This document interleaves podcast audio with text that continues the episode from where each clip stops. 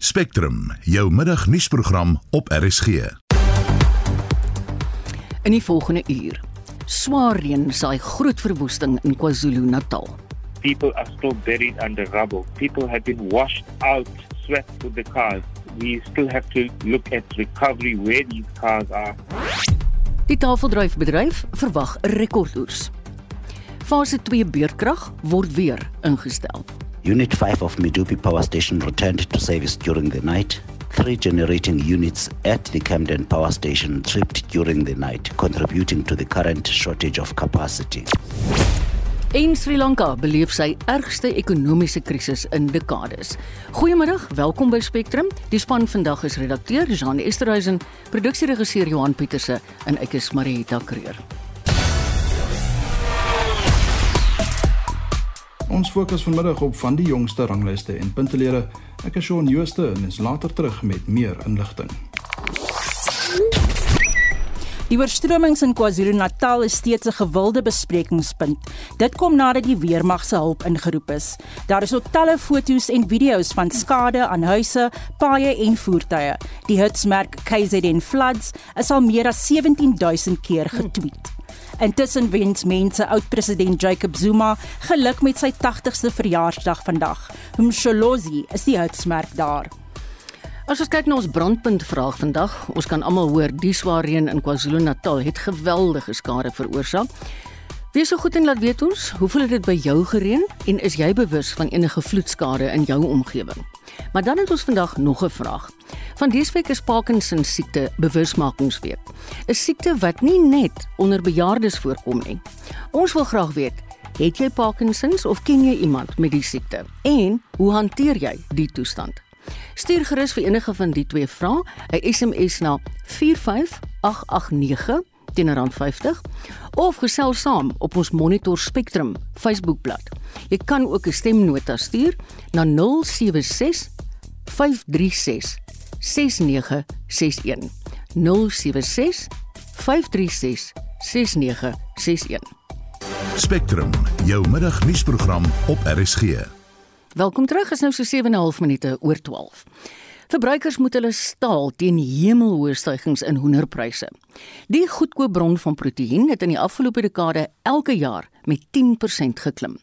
Vir meer praat ons nou met die uitvoerende raadslid van die Vereniging vir Vleis in en Uitvoerders, oftewel Amy Grant Hendriks.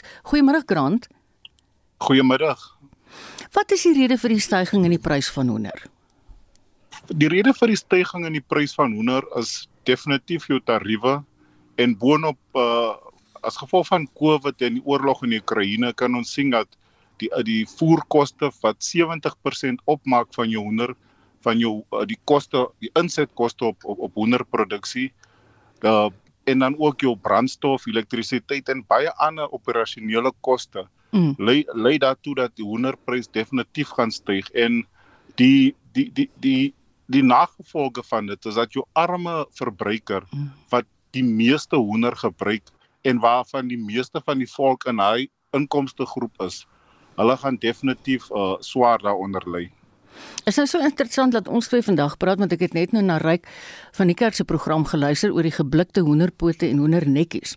En toe die persoon ook gesê dit is dit is regtig waar 'n gebruik onder veral jou armer verbruiker. Maar dink jy ons kan verdere prysverhogings te wag te wees grond? Definitief want jou jou jou jou jou uh, jou supply chain sal ek sê mm. word word uh, word uh, onder druk gesit as gevolg van die die oorlog in Oekraïne. Baie van ons voer wat ons gebruik kom daarvan af. En as jy ook kyk die brandstofverhogings, al daardie koste, die die die die die verkoper of jou jou jou jou jou wholesaler sal ek sê, mm. kan nie al hy koste absorbeer. So hulle moet dit oor uh dan uh, aanpas na hulle kliënt toe. En op die einde van die dag wat wat wat kan jou winkel doen? Jou winkel kan maar net die prys verhoog en op die einde van die dag gaan jou verbruiker dan 'n hoër prys betaal. So daar is ongelukkig niks wat ons kan doen om die prys terug te hou behalwe om te kyk na die ver, die verwydering van BTW en ook 'n uh, uh, moratorium te stel ja. op op jou handeltariewe. Grant, dink jy regtig wat dat die afskaffing van BTW op alle hoenderprodukte die regte oplossing is? Wat gebeur is omdat ons as 'n as 'n organisasie Amy kyk na ons ons het gesien wat die regering gedoen het met die uh die die vermindering uh, die op die heffing uh van brandstof met R1.50 as ook om die suiker suikerbelasting vir 'n jaar uh die verhoging vir 'n jaar een een kant te sit. Kyk ons na dit en ons sê as organisasie, wat kan ons na die tafel toe bring? Watse idee kan ons mm. die regering gee om te help sodat ons meer verligting aan die verbruiker kan bring? Want al al uh op die einde van die dag is dit die is die verbruiker lê daaronder mm. as gevolg van al die druk, ekonomiese druk. So as organisasie dink ons dit ons moet ook ons ons ons stem uh, uh, kan uh, ons moet ook praat oor dit en vir die mm. regering voorstelle gee en sê hoorie dis wat ons dink wat kan help en ons weet dat wat ons vra mag dalk nie vir ons gegee word in totaal nie maar ons ons wil hande hou met die regering want ons voel ons ons moet saam met hulle werk om 'n om 'n oplossing te kry. Amy bepleit ook die verwydering van teenstortingstariewe op ingevoerde hoender. Hoe sal dit pryse in bedwang hou? Uh as jy kyk tans is is jou tariewe 6 uh, 62%. Dit is jou standaard tariewe. As ons praat van uh anti-dumping wat nog 'n addisioneel addisionele uh addisionele koste sal wees op die oomblik dink ek van jou Brasiliaanse hoender is dit 2 is dit 32%. So as as jy 92% be, uh belasting betaal plus jou 15% ja. BTW is amper 120%. Hm. So uh, so dit is van selfsprekend dat jou pryse gaan definitief uh, verhoog word. So wat ons sal voorstel is ons hou hande met die regering met ander uh, stakeholders en ons praat oor dit en ons probeer nie 'n uh, matslinging uh, kompetisie hou nie maar ons probeer om die vir die die die verbruiker se beste belange uh, uh, in ag te neem. Ja, ek ek kan dit hoor aan jou. Baie sterkte vir die werk wat julle doen. Dit was Grant Hendriks, 'n uitvoerende raadslid van die Vereniging vir Vleis in en Uitvoerders, ook bekend as AMI. Die tafeldryfbedryf, oftewel Sati, sê vanjaar se tafeldryfoes gaan beter vertoon as die vorige 3 jaar. Die meeste produsente is klaar geoes en luidensberigte is meer as 76,5 miljoen kartonhouers tafeldrywe wat elk 4,5 kg weeg opgelewer. Vir meer hieroor praat ons nou met die voorsitter van SATI, Anton Viljoen. Hallo Anton. Hallo Marieta, hoe gaan dit daar? Nee, by ons gaan dit goed en dit klink by by julle nog beter. Ja, nee, ons het 'n baie goeie jaar gehad, 'n goeie oesjaar. So nee, ons is geseënd. En waar skryf jy julle rekord oes toe, Anton? Ehm um, ons ons word deur vele faktore beïnvloed waarvan die goeie groeitoestande en ideale oestoestande sekerlik die belangrikste is en boonbehalwe dit het ons bedryf oor die laaste paar jaar ook baie nuwe kultivars wat meestal uit um, Kalifornië kom geplant wat vir ons hoër opbrengste gee. Mm. So ek dink dit is die ding wat ons die meeste gehelp het en ons het ook ons wingerde begin beskerm met permanente nette mm. en as ook uh, plastiek, jy weet vir die reën ons moet elke jaar oes hê om dit te kan maak in die bedryf. Ja, dit is wel duur om daai uitleg te maak. Hoe vergelyk vanjaar se oes met laas jaar se? Vanjaar se oes ons gaan seker so 1.5 miljoen kartonne meer doen. Ehm um, die oes is effens groter. Ehm um, met die meeste streke wat hoër opbrengste gehad het. Ons het hier in die Olifantsrivier streek het ons bietjie swaar reën gehad waar ons 'n moeilike seisoen beleef het en in die hmm. Parel en die Ekstrivier area het ons weer baie goeie 'n baie goeie seisoen met min reën gehad. Ja. Jy het net nou verwys na die bedekking wat jy oor se die nette of wat ook al. Dit is 'n dis 'n duur uitleg, maar sien julle die vrugte wat dit voortbring? Ja, ons sien dat die nette ja veral in areas in riviere met met voelskade ah. wat bederf kan veroorsaak mm. en dan het ons ook um, windinsekte streke wat merk op die vrugte doen wat nie toelaatbaar is in in ons supermarkte wat ons lande bedien veral in Europa en in die VK nie. Mm. Raak die oorlog in Oekraïne invloed op julle uitvoere? Dit het wel 'n bietjie op ons. Ons doen maar 2.5% Rusland toe wat redelik min is. Mm. Maar om daai 2.5% nog steeds in 'n oorvol Europese mark te sit, ja. dit dit raak maar moeilik. Mm. Baie kommer. So julle verwagtinge vir die uitvoersyfers is dit redelik gesond? Ja, ons het redelik soos ek sê, um, ons verwag omtrent om 77 miljoen kartonne te pak hierdie jaar wat so ja. 1.5 miljoen meer is as laas jaar. En nou wel het regtig 'n ton kartonne, is dit seker een van ons swakste inkomste jare ook wees hierdie seisoen. Ja, Anton, ek sê vir julle geluk dat julle 'n rekord oes gehad het. Dit was Anton Viljoen, die voorsitter van die Suid-Afrikaanse tafeldryfbedryf Sati. Nou iets heeltemal anderster. Duisende burgers van Sri Lanka het die strate ingevaar om te betoog teen president Gotabaya Rajapaksa se leierskap. Hulle eis sy bedanking en blameer die regering vir 'n magdomprobleme, waaronder die erge finansiële krisis. Vir meer hieroor praat ons nou met die hoof van internasionale skakeling by die Solidariteitsbeweging, Jaco Kleinhans. Hallo Jaco. Goeiemiddag Marita. Burgers gaan gebuk onder brandstof en voedseltekorte, hoë pryse en kragonderbrekings. Klink amper soos Suid-Afrika. Wat is die redes hiervoor? Ja Marita, ek dink um, mens moet dit binne 'n internasionale konteks sien en ek dink dis hoe dit goed is dat jy ook na Suid-Afrika verwys. Ehm um, uh, die probleme in Sri Lanka is nie beperk tot Sri Lanka nie. Ons sien uh, die afgelope paar weke soortgelyke probleme by ander ontwikkelende lande ook. In Pakistan dieselfde moeilikheid wat ook tot politieke geweld aanleiding gegee het. In Peru het ons verlede week gesien dat ook 'n noodtoestand afgekondig is en dat daar ook uh, betogings en politieke geweld was. En dit alles word meegebring deur um, hierdie ontwikkelende lande ekonomieë wat gebuk gaan onder baie hoë inflasie. So mense voel, gewone mense voel hoe die lewenskoste baie skerp styg. As jy kyk na voedselpryse in Sri Lanka, het dit met 30% gestyg die afgelope 12 maande. En dan sien jy aan die ander kant ook dat regeringsbesluite die afgelope paar jaar gelei het tot groot staatsskuld. So lande sukkel om hierdie skuldlas terug te betaal. Sri Lanka moet meer as 4 miljard rand uh, dollar uh, eerder se staatsskuld terugbetaal en die regering het eenvoudig nie die buitelandse valuta om dit terug te betaal nie. En die COVID-19 pandemie nou die afgelope 2 jaar het eintlik maar net die probleme vererger mm. want 'n land soos Sri Lanka was natuurlik baie van toerisme afhanklik. Ja, dit is waar wat jy nou daar sê. Maar Jaco intussen weier hierdie president Rajapaksa om te bedank. Nou hoe lank kan so 'n situasie aangaan? Ja, ek ek dink 'n mens moet die politiek van Sri Lanka hier uh begryp. Dit is 'n land wat tot 2009 in 'n burgeroorlog gewikkel was en die Rajapaksa familie uh, domineer eintlik die politiek in Sri Lanka al vir twee dekades. So sy broer was ook al president gewees. Um hulle is 'n baie bekende naam en hulle word eintlik deur baie mense in Sri Lanka um as soort van leiers van die van die burgeroorlog bestempel. Um hulle het eintlik 'n soort van heldeverering vir baie lank gehad. So jy het 'n baie moeilike demokratiese tradisie uh, in Sri Lanka uh, en en en hier wil ek ook weer eens die internasionale vergelyking tref om te sê mens sien baie van dieselfde probleme um, in ander ontwikkelde lande ook waar daar nie 'n maklike politieke oplossing vir die probleem is nie. So hierdie president en sy familie is vir so lank al in beheer van die politiek van Sri Lanka dat hulle met ander woorde weier om uit te tree. So die hele kabinet het bedank. Ons sien nou ook dat die president van die Reservebank bank in Sri Lanka bedank het.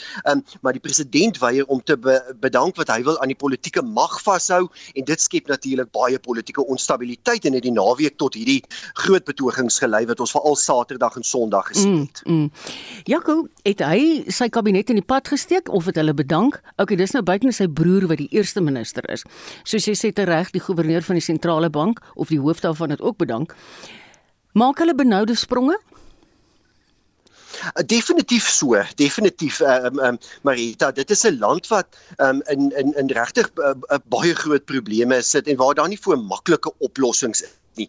As jy net gaan kyk die afgelope dekade of wat het Sri Lanka miljarde dollars gaan leen by China vir infrastruktuurprojekte. Die Chinese is klaar besig om druk te plaas op hulle om van dit terug te betaal. Daar's onder andere 'n um, 'n uh, hawe wat nou deur die Chinese teruggeneem is. So die land sukkel um, uh, met met uh, 'n uh, groot buitelandse skuldprobleem en dan het hulle sedert die einde van die burgeroorlog hulle ekonomie baie sterk op plaaslike verbruik en op toerisme uh, gebou en nie op produksie nie. En ons sien die gevolge mm. daarvan. Ons sien dieselfde dieselfde gevolge in Pakistan. Ons sien dit in baie ander lande waar daar tans politieke geweld is dat lande ontwikkel weens die hoë inflasie wat nou 'n globale tendens is, ontwikkel hulle tekorte aan buitelandse valuta um, mm. en dan is daar natuurlik onmiddellik 'n skuldprobleem. Uh, sukkel jy om die skuld terug te betaal. So ek dink as jy gaan kyk na die bedankings die afgelope paar dae van senior politici, dan is dit eenvoudig omdat hulle nie um, eintlik weet wat die wat die oplossing hier ja. is nie en ek dink die oplossing sal 'n herskikking van hulle skuld wees. Hulle sal met die internasionale monetaire fonds waarskynlik hulle skuld skuld moet herskik. Mens sien nie eintlik 'n baie maklike ander uitweg tans vir Sri Lanka nie. Jo. Jy het net verwys na laas naweek se gewelddadige betogings. Dink jy daar's kans dat hierdie betogings heeltemal kan hand uitruk? dis heeltemal moontlik uh, op hierdie stadium. Ek dink hulle probeer um, dit onderdruk deur 'n noodtoestand af te kondig, um, deur uh, baie beperkende maatreëls in te stel. Ons het ook die naweek gesien dat sosiale media byvoorbeeld heeltemal um, geblokkeer was. Ja. En dit is natuurlik om te verhoed dat mense sosiale media gebruik om te mobiliseer. Ons het presies dieselfde tendens verlede week in Peru gesien in Suid-Amerika waar die president daar ook ook um, uh, toegang tot sosiale media beperk het omdat hy natuurlik bang is dat dat mense mobiliseer by die sosiale media netwerke. So ek dink die kans vir verdere geweld is verseker daar en ek dink ons gaan nie net in Sri Lanka dit sien nie, maar ons gaan waarskynlik oor die volgende paar maande dit in verskeie ontwikkelende um, lande sien omdat dit die lande is wat tans die meeste sukkel met ja. hierdie buitelandse skuldprobleme mm. en dan die gevolge natuurlik van COVID-19 en, en alles wat daarmee saamgegaan het die afgelope 2 jaar. Baie dankie Jaco. Dit was Jaco Kleinhans, die hoof van internasionale skakeling by die Solidariteit beweging. Spectrum, jou middagnuusprogram op RSG. 21 en 'n half minute oor 12 is vir my baie baie lekker. Ons het 'n splinter nuwe kollega wat nou by my in die ateljee aangesluit is. Ons ons gaan nou praat oor die hoofnuus storie van die dag hier in Suid-Afrika. In KwaZulu-Natal het swaar reën die afgelope paar dae groot dele van die provinsie getuister. Die aantal sterftes weens die oorstromings is nog nie bekend nie. En soos ek gesê het, ons nuwe verslaggewer, Bianca Olifant, hou die situasie dop. Hallo Bianca. Hallo Marietta. Watter gebiede word die meeste deur die vloede geraak? Marietta, volgens die inligting wat ons ontvang het, is dit Durban, Amanzimtoti, Umlazi, laagliggende gebiede in die stede en baie meer. Volgens die provinsiale departement van vervoer is die N3 Suid net verby die Marion Hill tolhek gesluit weens swaar afval wat op die pad instroom. 'n Woordvoerder vir die departement van samewerkende regering in KwaZulu-Natal, Senzwelwe Nzila, het inwoners wat in laagliggende gebiede woon, gevra om skuilings op hoër grondgebiede te soek so swaar reën voortduur. So far, the extent of the rains is across the province, with eThekwini being one of the most affected areas. Disaster management teams have been evacuating people in areas that have experienced mudslides, flooding, and structural collapses of buildings and roads. Residents in areas that are on higher ground are urged to open up their homes for their neighbors who are stranded as a result of the flooding caused by the heavy rains. Many roads are flooded and residents are requested to avoid unnecessary journeys. Dit was Senzelwe Mzile, 'n woordvoerder vir die departement van samewerkende regering in KwaZulu-Natal. Wat is die impak van die oorstromings? Wel, rampbestuurspanne reageer steeds op noodgevalle van paaie wat oorstroom, geboue wat ineenstort en modderstortings. Motoriste wat in die omgewing van die Imoyeni rivierbrug reis, moet uiters versigtig wees omdat die brug oorstroom het. Die provinsiale departement van onderwys het skoolhoofde aangeraai om eerder skole te sluit en leerders huis toe te stuur. Dr Imtiaz Suliman van Gift of the Givers sê hulle sal vergaderings van die gesamentlike operasionele komitee vir rampbestuur bywoon en is gereed om bystand aan inwoners te lewer. People who now have homes are wet, they basically can't cook, so they need hot meals for a few days whilst they're waiting for the house to be sorted out. Many of them need clothes and blankets, especially it's winter now, so it's additional requirement of warm stuff. They need sanitary pads and diapers for the kids. Those are the basic requirements. And then as you scale up a little further, it depends if you're going to be providing corrugated sheeting for people to rebuild their homes, if it's an informal settlements. In hierdie stadium kan owerhede nie bevestig hoeveel mense gesterf het of beseer is nie. Rampbestuurspanne bepaal ook nog die omvang van die skade. Baie dankie want ek dink hierdie is 'n omvangryke storie ook vir jou gewees Bianca want ek meen dis net verbuisterend hoe groot die skade is. Dis ons splinte nuwe verslaggewer Bianca Olifant. Nadat fase 2 beurtkrag aanvanklik vir oggend om 5uur deur Eskom opgeskort is, sal dit weer ingestel word van 5uur vanmiddag af tot 5uur môreoggend. Die kragvoorsiener sê daar's 'n tekort aan opwekkingskapasiteit op die kragvoorsieningsnetwerk. Eskom het gewaarsku dat die situasie moontlik die res van die week kan voortduur. Estie de Klerk berig.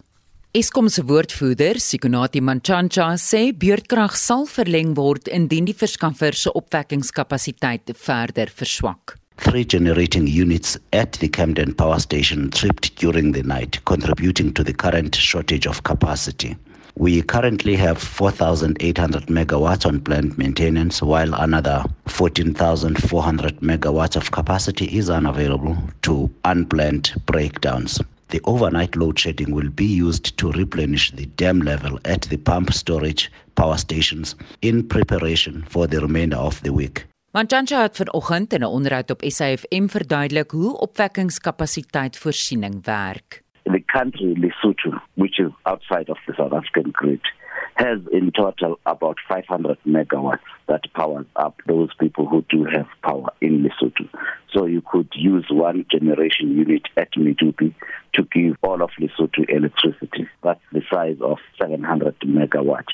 In the South African context, Gauteng consumes about 10,000 megawatts of electricity.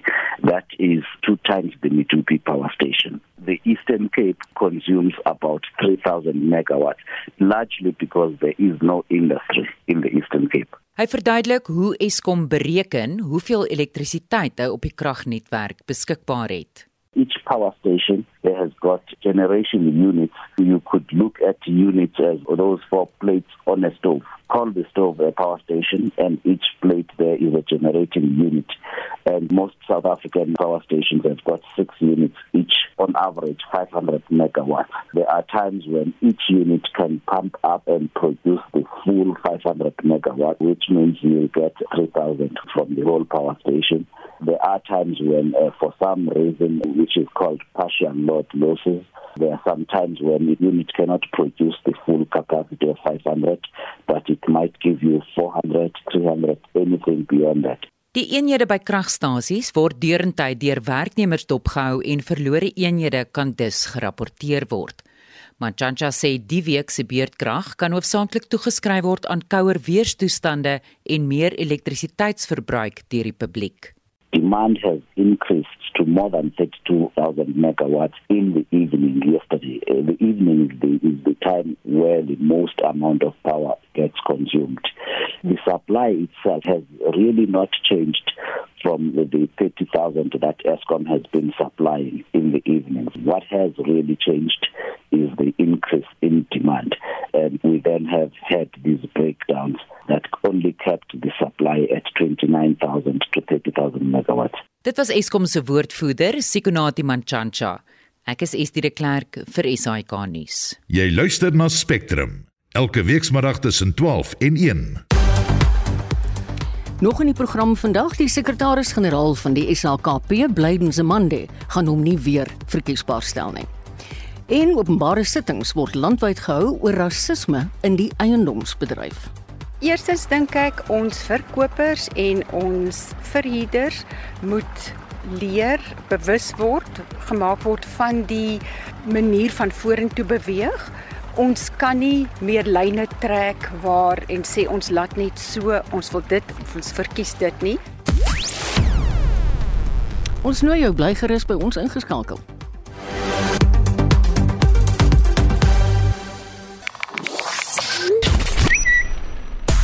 Warm onder die kraag oor Eskom wat weer beurtkrag toepas. Fase 2 beurtkrag geld van 5uur vanmiddag tot 5uur môreoggend. Die hitsmerke daar is load shedding en stage 2.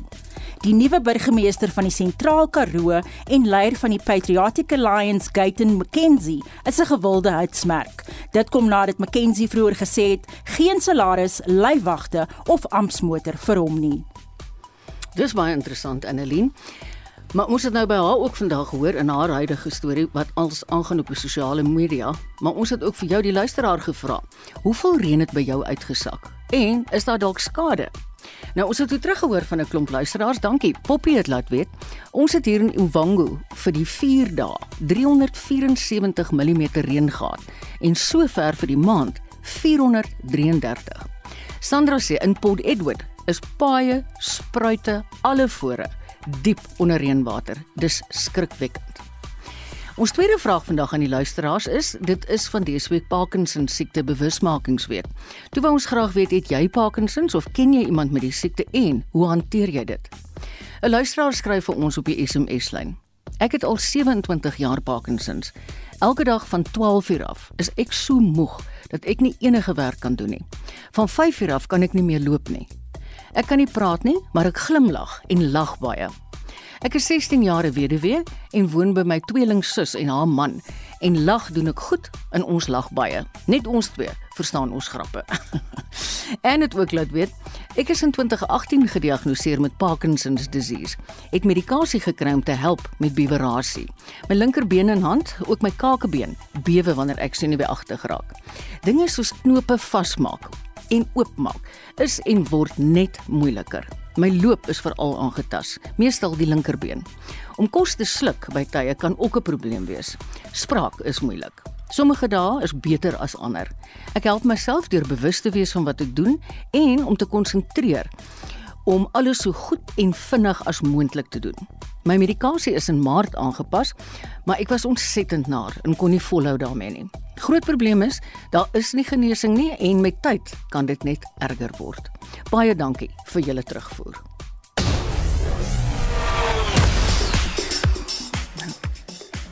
Ons gaan nou aansluit vir vandag se aflewering van ons sport en die verslaggewer is Shaun Jooste.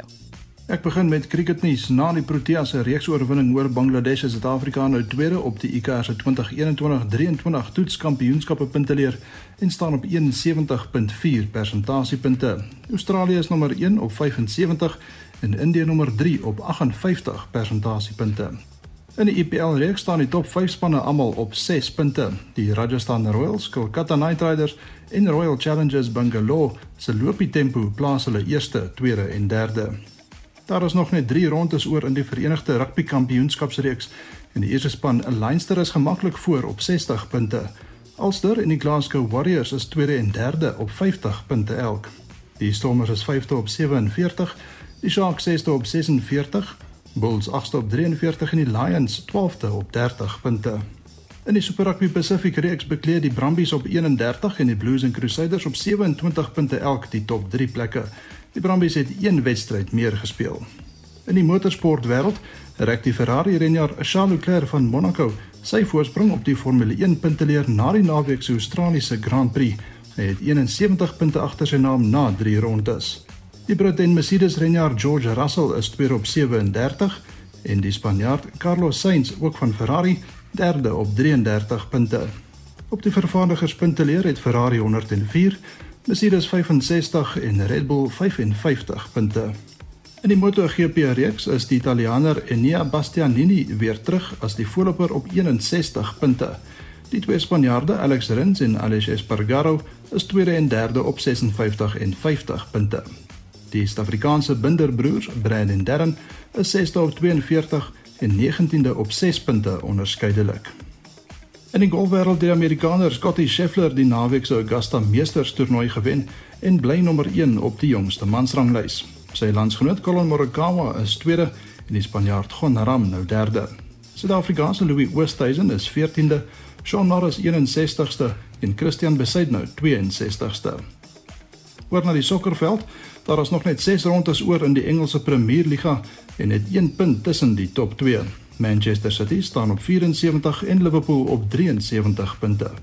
Chelsea is derde op 62 punte.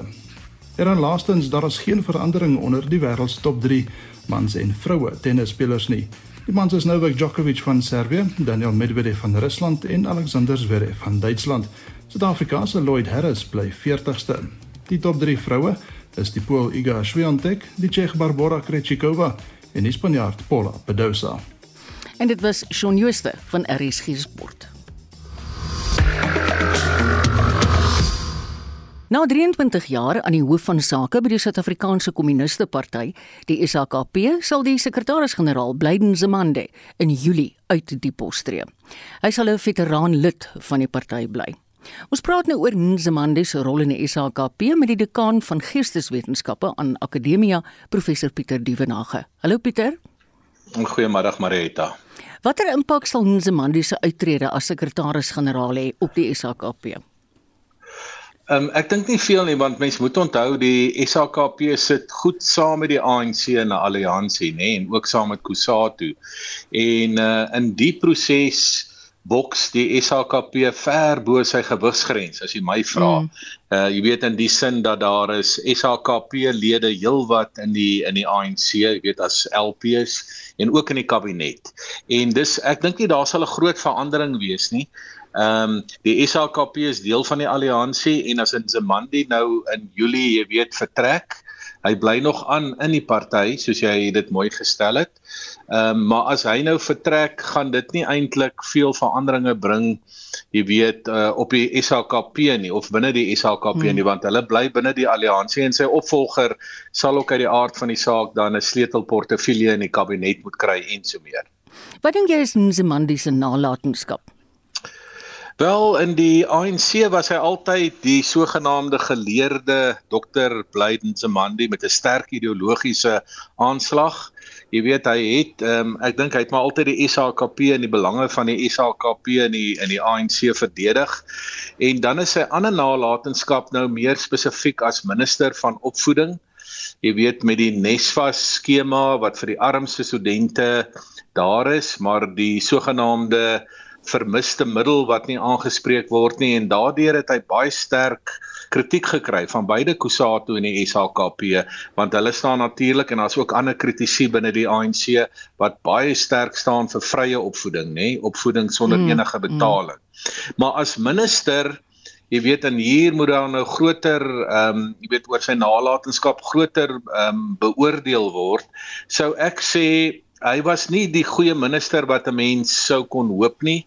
Uh want universiteite het meer en meer soos welsynsorganisasies begin word en in daai sektor kort 'n mens ferm hervorming, jy weet, fokus op standaarde saam met die diferensiering van die onderwysstelsel vir die arbeidsmark. Jy weet, ons het net gewoon te veel studente op universiteit en jy weet dinge soos uh kom ons moet nou maar colleges van alle soorte wat meer op die um, arbeidsmark gerig is. Hy kon baie meer daar gedoen het. Ja, hy was Afrikaans ook nie baie goed gesind nie. Dit ook nie, ja. Pieter, wie kan moontlike opvolgers vir hom wees? Wel, dis altyd moeilik om te sê, jy weet Marietta, jy weet binne Kusatu of ANC of die SAKP, dit is maar almal organisasies waar jy moet wag vir daai konferensie in Julie. Maar in hierdie stadium lyk die eerste adjunk sekretaris-generaal, Solly Mapaela, ehm um, Mapaela, uh, lyk na die man. Jy weet want hy sit nou al jare daar as die eerste adjunk sekretaris-generaal en uh, ek dink hy's goed ingegrawe binne die SHKP om dan die volgende sekretaris-generaal te word. Net interessant oor Solly Mapaela is dat hy staan nie ver van president Ramaphosa af nie en hy het ook baie sterk teen korrupsie in die ANC uitgevaar veral uh, nog onder president Zuma se leiding. So dit sal interessant wees is hy nou nader aan president Ramaphosa of die sogenaamde radikale ekonomiese transformasie faksie uh, dit lyk vir my die opvolger van Nzimandi gaan nader aan president Ramaphosa staan. Pieter, wat is op die oomblik die verhouding tussen Kusatu en die ANC? Wel, dis ook maar altyd 'n komplekse verhouding, jy weet, ehm um, Marietta net soos tussen die ANC en die SHKP. En wat gebeur is Kusatu kritiseer die ANC geweldig en hulle het ook onder andere vir minister Nzimandi geweldig gekritiseer mm. want hulle wil nou veral deur hulle een uh, vakbond binne Kusatu Nahawu, jy weet wat nou gaan oor die die opvoedkunde ehm um, uh, vakbond. Hulle het Nzimandi geweldig verkwalik dat hy nie meer studente kon bereik het aan nie. So die interessante is beide Kusatu en SHKP kritiseer die ANC geweldig, maar uiteindelik aan die einde van die dag, jy weet net voor 'n verkiesing of wanneer dit mm. nou kom by die groot leierskapsverkiesing, dan is almal nou maar weer um, hand om die skouers met mekaar en dan's almal nou maar weer kamerade. Mm. So dit bly maar 'n baie komplekse en 'n vreemde tipe alliansie wat eintlik vir Suid-Afrika nie goed is nie want mense sou wou hê die vakbonde moet hulle ding doen en 'n regering moet sy ding doen. Mm. Maar nou in elk geval ons het hulle nou ehm um, ehm um, en die kiesers van Suid-Afrika sal hier die oordeel moet werk. Baie dankie Pieter. Ons het gepraat met die dekaan van Geesteswetenskappe aan Akademia, professor Pieter Duvenage. Ons het vroeër nou al heelwat berig oor die oorstromings in KwaZulu-Natal. Vir die jongste uit Amanzimtoti en die skade wat aangerig is, praat ons nou met die DA se woordvoerder vir samewerkende regering en tradisionele sake in die provinsie, Martin Meyer. Hallo Martin. Goeiemôre, jy het baie natter van. ja, ek moet sê Johannesburg is nat, maar ek dink julle is natter. Wat is die situasie nou in Amanzimtoti? Wel, ek staan nou buite op my stoep en kyk, um, ons sien bietjie kolletjies blou lig uh, wat baie hoop bring. Mm. Uh lyk of die ergste reën nou uiteindelik bietjie begin lig. Daar's net die son nou deur die wolke breek, maar ek hoor nog reeds vir donderdag voorspel. Ons bly maar nog op op op uh 'n hoë vlak van gereedheid vir wat ook al gaan gebeur, maar ehm um, die die die oorstromings op die grondvlak is baie erg. Ehm um, groot dele van die paai het weggespoel. En Isipingo, my kollega die raadsit vir hier rond Andre Beetge uh, met mense met bote en helikopters en al probeer mekaar kry en mense is vasgekeer in die fabrieke ja. daar. Ehm um, so op die grond is is dit maar nog steeds 'n groot groot krisis en dan ook veral natuurlik in die informele nedersettings uh waar waar baie baie huise weggespoel is en, en mense se lewens nog steeds in gevaar is. Ja. Jy weet ons het nou al baie gehoor in ons nuusbulletins dat hulle kanaand 'n oproep doen dat mense wat in laagliggende gebiede bly skuif na hoër gebiede. Ja. Maar wat se ander voorsorgmaatreëls kan 'n mens tref? Ja, weet dit is baie moeilik en ehm um, jy weet of uh, hier by ons by die kus, hier's baie riviere en strome en so jy mm. weet amper oral is dit laag liggend. Ja, um, en en dit is net nie moontlik vir baie mense om weg te skuif nie. Jy weet waar waar gaan mense heen? Ehm um, die die stad van van eThekwini het ehm um, die gemeenskapsale oopgemaak. Mense kan na die gemeenskapsale toe gaan. Ehm uh, mense moet maar gereeldheid dophou wat wat om hulle rondom aangaan, jy weet uh, wat wat die opdragte is vir die owerhede gee. Ehm um, na plekke van veiligheid beweeg maar ook asseblief ons vra mense om nie onnodig te reis nie. Die hmm. paaie, mm. weet daar sommer paaie oop en dan die paaie wat oop is is so chok en blok vol dat die nooddienste nie kan deurkom nie. Ehm um, so ons vra mense om asseblief onnodige reis op die paaie te vermy. Ehm um, en dan het ons ook nou uh, vir die vir die premier gevra om asseblief dringend 'n uh, 'n uh, noodtoestand te aan te kondig in die provinsie want weet ons het regtig baie hulp nodig van van oor die hele land um, om met hierdie krisis te te by te staan. Martin, ons weet nou ons het almal landwyd eintlik 'n kragvoorsieningsprobleem tans, maar hierdie ja. oorstromings in julle gebiede invloed op die kragnetwerk gehad. Ja, sedert maandag al kyk die redes al van Vrydag af um, en van oor die naweek af eintlik um, het ons al groot areas oor die hele stad gehad wat vir 48 uur 52 uur um, sonder elektrisiteit sit.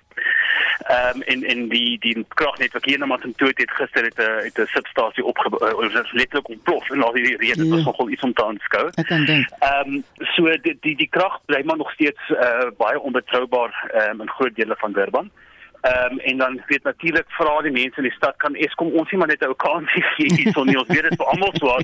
Maar as as 'n boop dit as jy nou vir 52 uur nie krag gehad het nie en oh. wanneer die krag uiteindelik terugkom, dan sit Eskom jou af vir 2 ure. Ehm um, dit is is dit regtig waar nog moeilik vir mense om om aan die gang ja. te kom hierso. So dit dit is maar oor die oor groot groot dele van die stad hoor ons nog ehm um, die langste dink ek is daar's daar's 'n 'n buurt in die stad wat nou al vir 60 ure sonder hmm. elektrisiteit sit. Ja, en dan klaar ons as dit 2 uur beurtkrag is. Baie sterkte vir die werk wat julle daar moet doen en ook vir julle inwoners. Dit was Martin Meyer, die DA se woordvoerder vir die samewerkende regering en tradisionele sake in KwaZulu-Natal. Dis vir my 'n baie interessante bydrae wat nou kom. Die regulasie owerheid vir eiendomspraktisyns, oftewel die PPRA, sê rasisme in die eiendomsbedryf is algemeen en word nie altyd aangemeld nie. Die owerheid hou openbare sittings oor beweerde rasisme in die sektor. Dit het nou reeds in 5 provinsies plaasgevind en tans is openbare sittings in Kimberley in die Noord-Kaap aan die gang. Reginald Witboy doen verslag. Die sittings volg na 'n voorval in Kaapstad waar daar teen 'n voornemende huurder gediskrimineer is op grond van sy ras. Die uitvoerende bestuurder van die reguleringsowerheid, Mfundo Daki, sê hierdie kwessie is een van vele waarmee die bedryf te doen het. This is something which is very serious. And these uh, agents are really incensed. I mean, it's, it's concerned because they are deprived in terms of the ability to earn an income. Because now, in affluent areas, you know that the commission is quite high because the values of the property, you know, are quite high compared to the townships. So, yeah, that's one of the issues amongst many. Daki sê enige vorm van diskriminasie is duidelik uiteengesit in die grondwet. We need to understand that we come from a very difficult past and some practices which are discriminatory are actually outlawed. I mean in terms of the constitution any form of discrimination on the basis of race, eh, nationality, eh, sex, etc., etc., is not allowed. And that has found its way into our code of conduct, which is premised on that provision in the Constitution, which also indicates that any discrimination is at variance with the code of conduct, and there will be implications if asset agents or property practitioners that we regulate involve themselves in those kind of practices. 'n Eiendomshoof, Celeste van der Linde, sê hierdie kwessies moet aangespreek word. So ek hoop ons kan laat as ons almal kan saamwerk, almal die opleiding kry of net die bekendstelling hoe ons land moet beweeg, glo ek sal dinge kan regkom. Eerstens dink ek ons verkopers en ons verhuurders moet leer bewus word gemaak word van die manier van vorentoe beweeg ons kan nie meer lyne trek waar en sê ons laat net so ons wil dit ons verkies dit nie. Nog 'n eiendomshoof Betta de Bruin stem saam. Jy weet wat is jou code of conduct en dan werk jy daarvolgens. Hoeveel reëls moet ons nog kry? Ek voel daar's genoeg reëls. Ons weet presies wat ons moet doen. Rasisme gaan maar seker soos enige iets altyd deel wees van ons. Ons wil dit nie hê nie maar dis hoe dit is. Verstaan? Hoekom weet ek nie? Ons gaan maar altyd verskil. Seuns en dogters beklei, mans en vrouens beklei en seker gaan dit altyd deel wees. Ons gaan dit nie wegwens nie. Ons moet dit net hanteer wanneer dit op ons pad kom.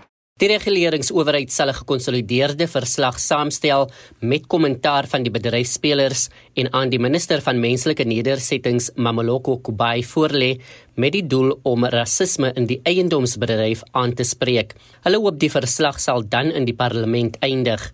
Taki brei uit. It will then forward that report to the minister of human settlements and we believe that she will also interrogate the report and consider it. And then if she's got any questions you know maybe she'll be sent back for us to have a look at it and review if ever there's anything to be re reviewed. But eventually we are hoping that it will land itself in parliament so that some processes can be taken to establish if ever there's any need for further action to be taken to strengthen the legislation Die sittings gaan ook in ander provinsies plaasvind vir insette voordat die verslag gekonsolideer en aan die raad van die reguleringsowerheid voorgelê word.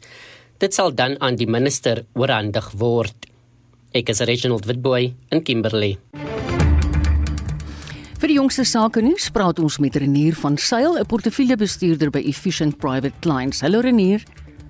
Goeiemôre en of uh, ja, goeiemôre. En so kan almal wat inhoud. As ons kyk na die plaaste mark, sien ons dat hy uh, ongelukkig is vandag. Hy verhandel so 1% laer vir die dag as ook ons top 40. Nou die mark word saaklik laer getrek deur ons banke wat laer is met so 1.6% en ons hulpbronne het kort tot sy hakke laer met 0.7%. As kyk na die wenners vir die dag is Dischem op met so 2.2% en Transaction Capital die industriële groep is op met 1.7% en dan aan die ander kant van die muntstuk is Investec af met bykans 6% en Sirius die uh, die eiendomsmaatskappy is daar met so 3.8%. Die rand het heelwat versterk van vanoggend se vlakke. Hy staan teen 14.58 teen die dollar, 18.97 teen die pond en dan so 15.83 teen die euro. Nou as ons kyk wat ons kommoditeite maak, is goud 0.8% sterker. Hy staan op 1956 dollars per fyn ons. Die prys van Brent olie is klein bietjie sterker op 102 dollars 71 per vatjie Brent. Die Amerikaanse markte het gisteraand in die rooi gesluit. As ons kyk na die Europese markte, verhandel hulle ook meestal in die negatiewe terrein vandag. En baie dankie. Dis my storie vir vandag. En so sê Renier van Sail, 'n portefeuljebestuurder by die Efficient Prime Clients groep. Die nasionale direkteur van openbare vervolging, Shamila Batoyi, sê staatskapingsake sal oor die volgende 12 maande geprioritiseer word. Patoy het virtueel gepraat tydens die jaarlikse Frederik van Sail Slabbert gedenklesing wat deur die Universiteit Stellenbosch aangebied is. Die lesing bring hulde aan Wile Slabbert, wat 'n anti-apartheidsaktivis, kritiese denker en voormalige kanselier van die universiteit was. Bianca Olifant berig. Die tema van Patoy se lesing was burgerleierskap in Suid-Afrika deur die lens van aanspreeklikheid, optrede en diens. Patoy sê 'n goeie funksionerende regstelsel is van kritieke belang vir die bou van 'n gesonde land en 'n florerende ekonomie en dat die wiel van geregtigheid draai vir diegene wat by staatskaping betrokke is. For the next 6 months even to a year whilst all of those other cases that I mentioned are extremely important and remain important for the next 6 months to a year and we won't certainly will not finish all the cases but we are focusing on cases in the Zondo Commission and other cases relating to grand corruption. Patoy sê staatskaping het 'n verwoestende uitwerking op dienslewering gehad. The impact of state capture on our country has been extremely severe. And the economic cost has been estimated to be about 1.5 trillion rands. And this is almost the equivalent of government's annual expenditure. So it is an insane amount of money. And the impact of this on service delivery, which disproportionately affects the poor and the vulnerable, is devastating. Die jaarlikse gedenklesing is daarop gemik om 'n platform te skep vir studente, leier, akademici en die breër internasionale gemeenskap en om krities by huidige Suid-Afrikaanse politieke en bestuurskwessies betrokke te raak. Hierdie verslag is saamgestel deur Mlamli Manelli en ek is Bianca Olifant vir SAK nuus. Twitter se bestuurshoof, Parag Agrawal, het aangekondig dat die Suid-Afrikaansgebore miljardêr en hoof van Tesla, Elon Musk, besluit het om nie op die maatskappy se direksie te dien nie. Musk het byna 39 miljard rand in die eerste paar maande van 2022 bestee om byna 10% van Twitter aandele te koop. Sy doel blyk te wees die beskerming van vryheid van spraak. Die redakteur van My Broadband, Jan Vermeulen, sê daar's nog nie veel bekend oor hoe Musk die reg tot vryheid van spraak gaan bevorder nie. Of hy nou wel hierdie vryspraak prinsipe gaan volhou, miskien kom hy agter, wag so 'n bietjie, dis nie so maklik as wat ek gedink het nie. Of Twitter nie alreeds besig was daarmee nie. Dis 'n goeie vraag. Ons sal nou maar moet sien wat gebeur. Dis ver al waar hulle gepraat het is oor 'n edit knoppie wat nie veel te doen het met vryheid van spraak nie. So ons moet nog hoor wat Elon gaan sê oor mense wat van die platform af verban word of sogenaamde shadow bans. En dis nou wat gebeur um, met al hierdie algoritmes, hierdie platforms. Hulle het 'n algoritme wat in die agtergrond besluit wat om vir jou te wys, want natuurlik die vloei van inligting op hierdie platforms is so ongelooflik vinnig dat in plaas van dat die hy net vir jou wys al die goed van die mense wat jy volg, is daar 'n algoritme wat besluit hierdie lyk belangrik, hierdie lyk na iets waarna jy sal belangstel. So is aantuigings dat hierdie platforms sekere mense se goed met wie hulle nie saamstem nie, sowel as natuurlik kriminele goed wat probleme is op die platform onderdruk. 'n Selfde ding wat gebruik word om van kriminele goed op Twitter, op Facebook, op Barbercall te onderdruk. Daai selfde algoritme word nou gebruik om mense met dalk politieke opinies wat nie ooreenstem met die platform nie te onderdruk. En so ons sal nou hoor wat Elon Musk ontdek as hy nou gaan kyk wat aangaan by Twitter, maar dusver nog geen sprake daarvan nie. Hy het tog net gepraat oor 'n edit knoppie maak sodat jy jou slegte spelling kan regmaak as jy nou per ongeluk iets uitgetweet het en jy het 'n woord verkeerd gespel. Soos dit die redakteur van My Broadband Jan Vermeulen. En nou vir 'n oorsig oor die afgelope uur se nuus en ontwikkelende stories sluit Estie by ons aan. Hallo Estie. Hallo Marita. Die prys van hoender gaan weer die hoogte inskiet. Oor die afgelope dekade het hoenderpryse elke jaar met sowat 10% gestyg. Hier is 'n uitvoerende raadslid vir vleis-in- en uitvoerders, oftewel Amy Grant Hendriks. Die rede vir die stygings in die prys van hoender is definitief jou tariewe en boonop as gevolg van COVID en die oorlog in die Oekraïne kan ons sien dat die voerkoste wat 70% opmaak van jou hoender, die insetkoste op op hoenderproduksie en dan ook jou brandstof, elektrisiteit en baie ander operasionele koste lei daartoe dat die hoenderprys definitief gaan styg. Die tafeldryfbedryf, oftewel Sati sê die beste tafeldryfoes in 3 jaar word vanjaar verwag. 76,5 miljoen kartonhouers is deur produsente gelewer. Sati se voorsitter, Anton Viljoen sê goeie groeitoestande dra by tot 'n goeie oes. Boonbehalwe dit het ons bedryf ook die laaste paar jaar baie vernuwing gedoen wat beteken beter kultivars is gebrand wat vir ons hoër opbrengste per hektaar gee. Daar is ook in sekere dele baie permanente nette opgesit wat die oes beskerm teen wind en voëls en dan is daar ook baie plastiek opgesit om die oes teen reën te beskerm. Duisende burgers van Sri Lanka het oor die naweek teen president Gotabaya Rajapaksa se leierskap betoog. Hulle eis sy bedanking en blameer die regering vir talle probleme waaronder 'n finansiële krisis. Solidariteit se hoof van internasionale skakeling, Jaco Kleinan, sê die probleme is deel van 'n groter ekonomiese krisis weens die COVID-19 pandemie wat ook in ander lande waargeneem kan word. Ons kan verwag dat meer van hierdie politieke en ekonomiese onstabiliteit in ontwikkelende lande gaan afspeel, soos wat lande gaan sukkel om hulle buitelandse skuld af te betaal en bevolkings ongelukkig raak met die groot stygings in lewenskoste. Eskom het aangekondig fase 2 beurtkrag word weer om 5uur vanmiddag ingestel en dit sal voortduur tot 5uur môreoggend. En in Monitor môreoggend berig ons oor die ekonomiese impak van die Julie onluste verlede jaar op die vervoerbedryf in KwaZulu-Natal. En onthou ook om in te skakel vir 'n samevatting van die dag se nuus op Brandpunt vanmiddag om kwart voor 6. En dit was Estie met 'n samevatting van die nuus en ontwikkelende stories.